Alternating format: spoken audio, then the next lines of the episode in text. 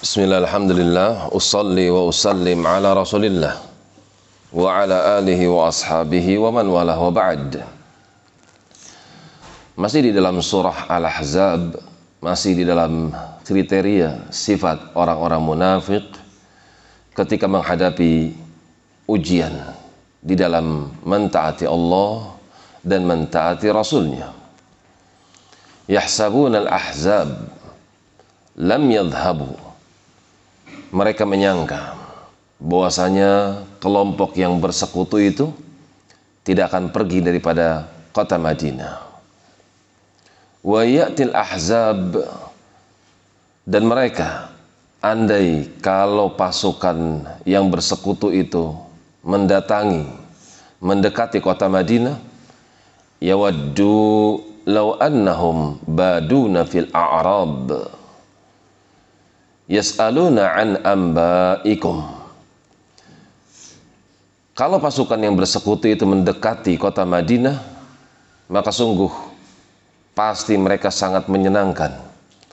Akan menyenangkan bagi mereka mereka akan menghayalkan diri-diri mereka andai kita tinggal di pedalaman Arab saja menjadi Arab gurun yang tinggal di bawah-bawah kaki gunung di lembah-lembah gunung yas'aluna an ambaikum yang cuma bisa bertanya akan berita yang menimpa kalian. Itulah sifat mereka orang munafikun yang mereka ketakutan, memiliki sifat penakut, pengecut menghadapi musuh. Ketika datang musuh, langsung mereka berandai-andai, andai kita tinggal di lembah saja, kita tidak ikut perang bersama Nabi, kita cuma bisa mendapatkan informasi saja siapa yang menang, apakah Al-Ahzab atau kaum muslimin. Walau kanu fikum ma qatalu illa qalilan. Andai mereka sudah terlanjur ikut berperang bersama kalian, ma qatalu illa qalilan. Tidaklah mereka berperang kecuali sesaat saja atau sedikit saja di antara mereka orang-orang munafik yang betul-betul mau berperang bersama kalian. Itulah hakikat orang-orang munafik yang mereka ketakutan kalau menghadapi musuh. Tapi kalau musuh sudah pergi meninggalkan wilayah mereka, maka mereka akan membusungkan dada-dada mereka seolah-olah mereka adalah pemberani. Laqad kana lakum fi Rasulillahi uswatun hasanatun.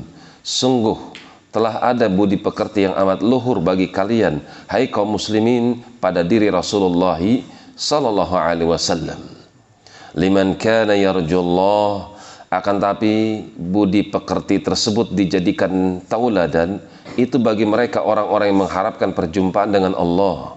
Wal yaumal akhirah demikian pula orang-orang yang beriman kepada hari akhir wa dzakarallaha katsiran dan bagi mereka orang-orang yang banyak mengingat Allah dengan sebanyak-banyaknya.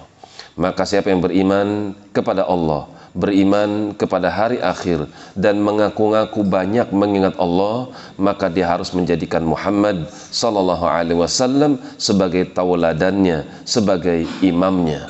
Apa yang beliau ucapkan ikuti ucapannya. Apa yang beliau lakukan maka ikuti jalan yang beliau tempuh. Demikian wallahu taala alam bis sawab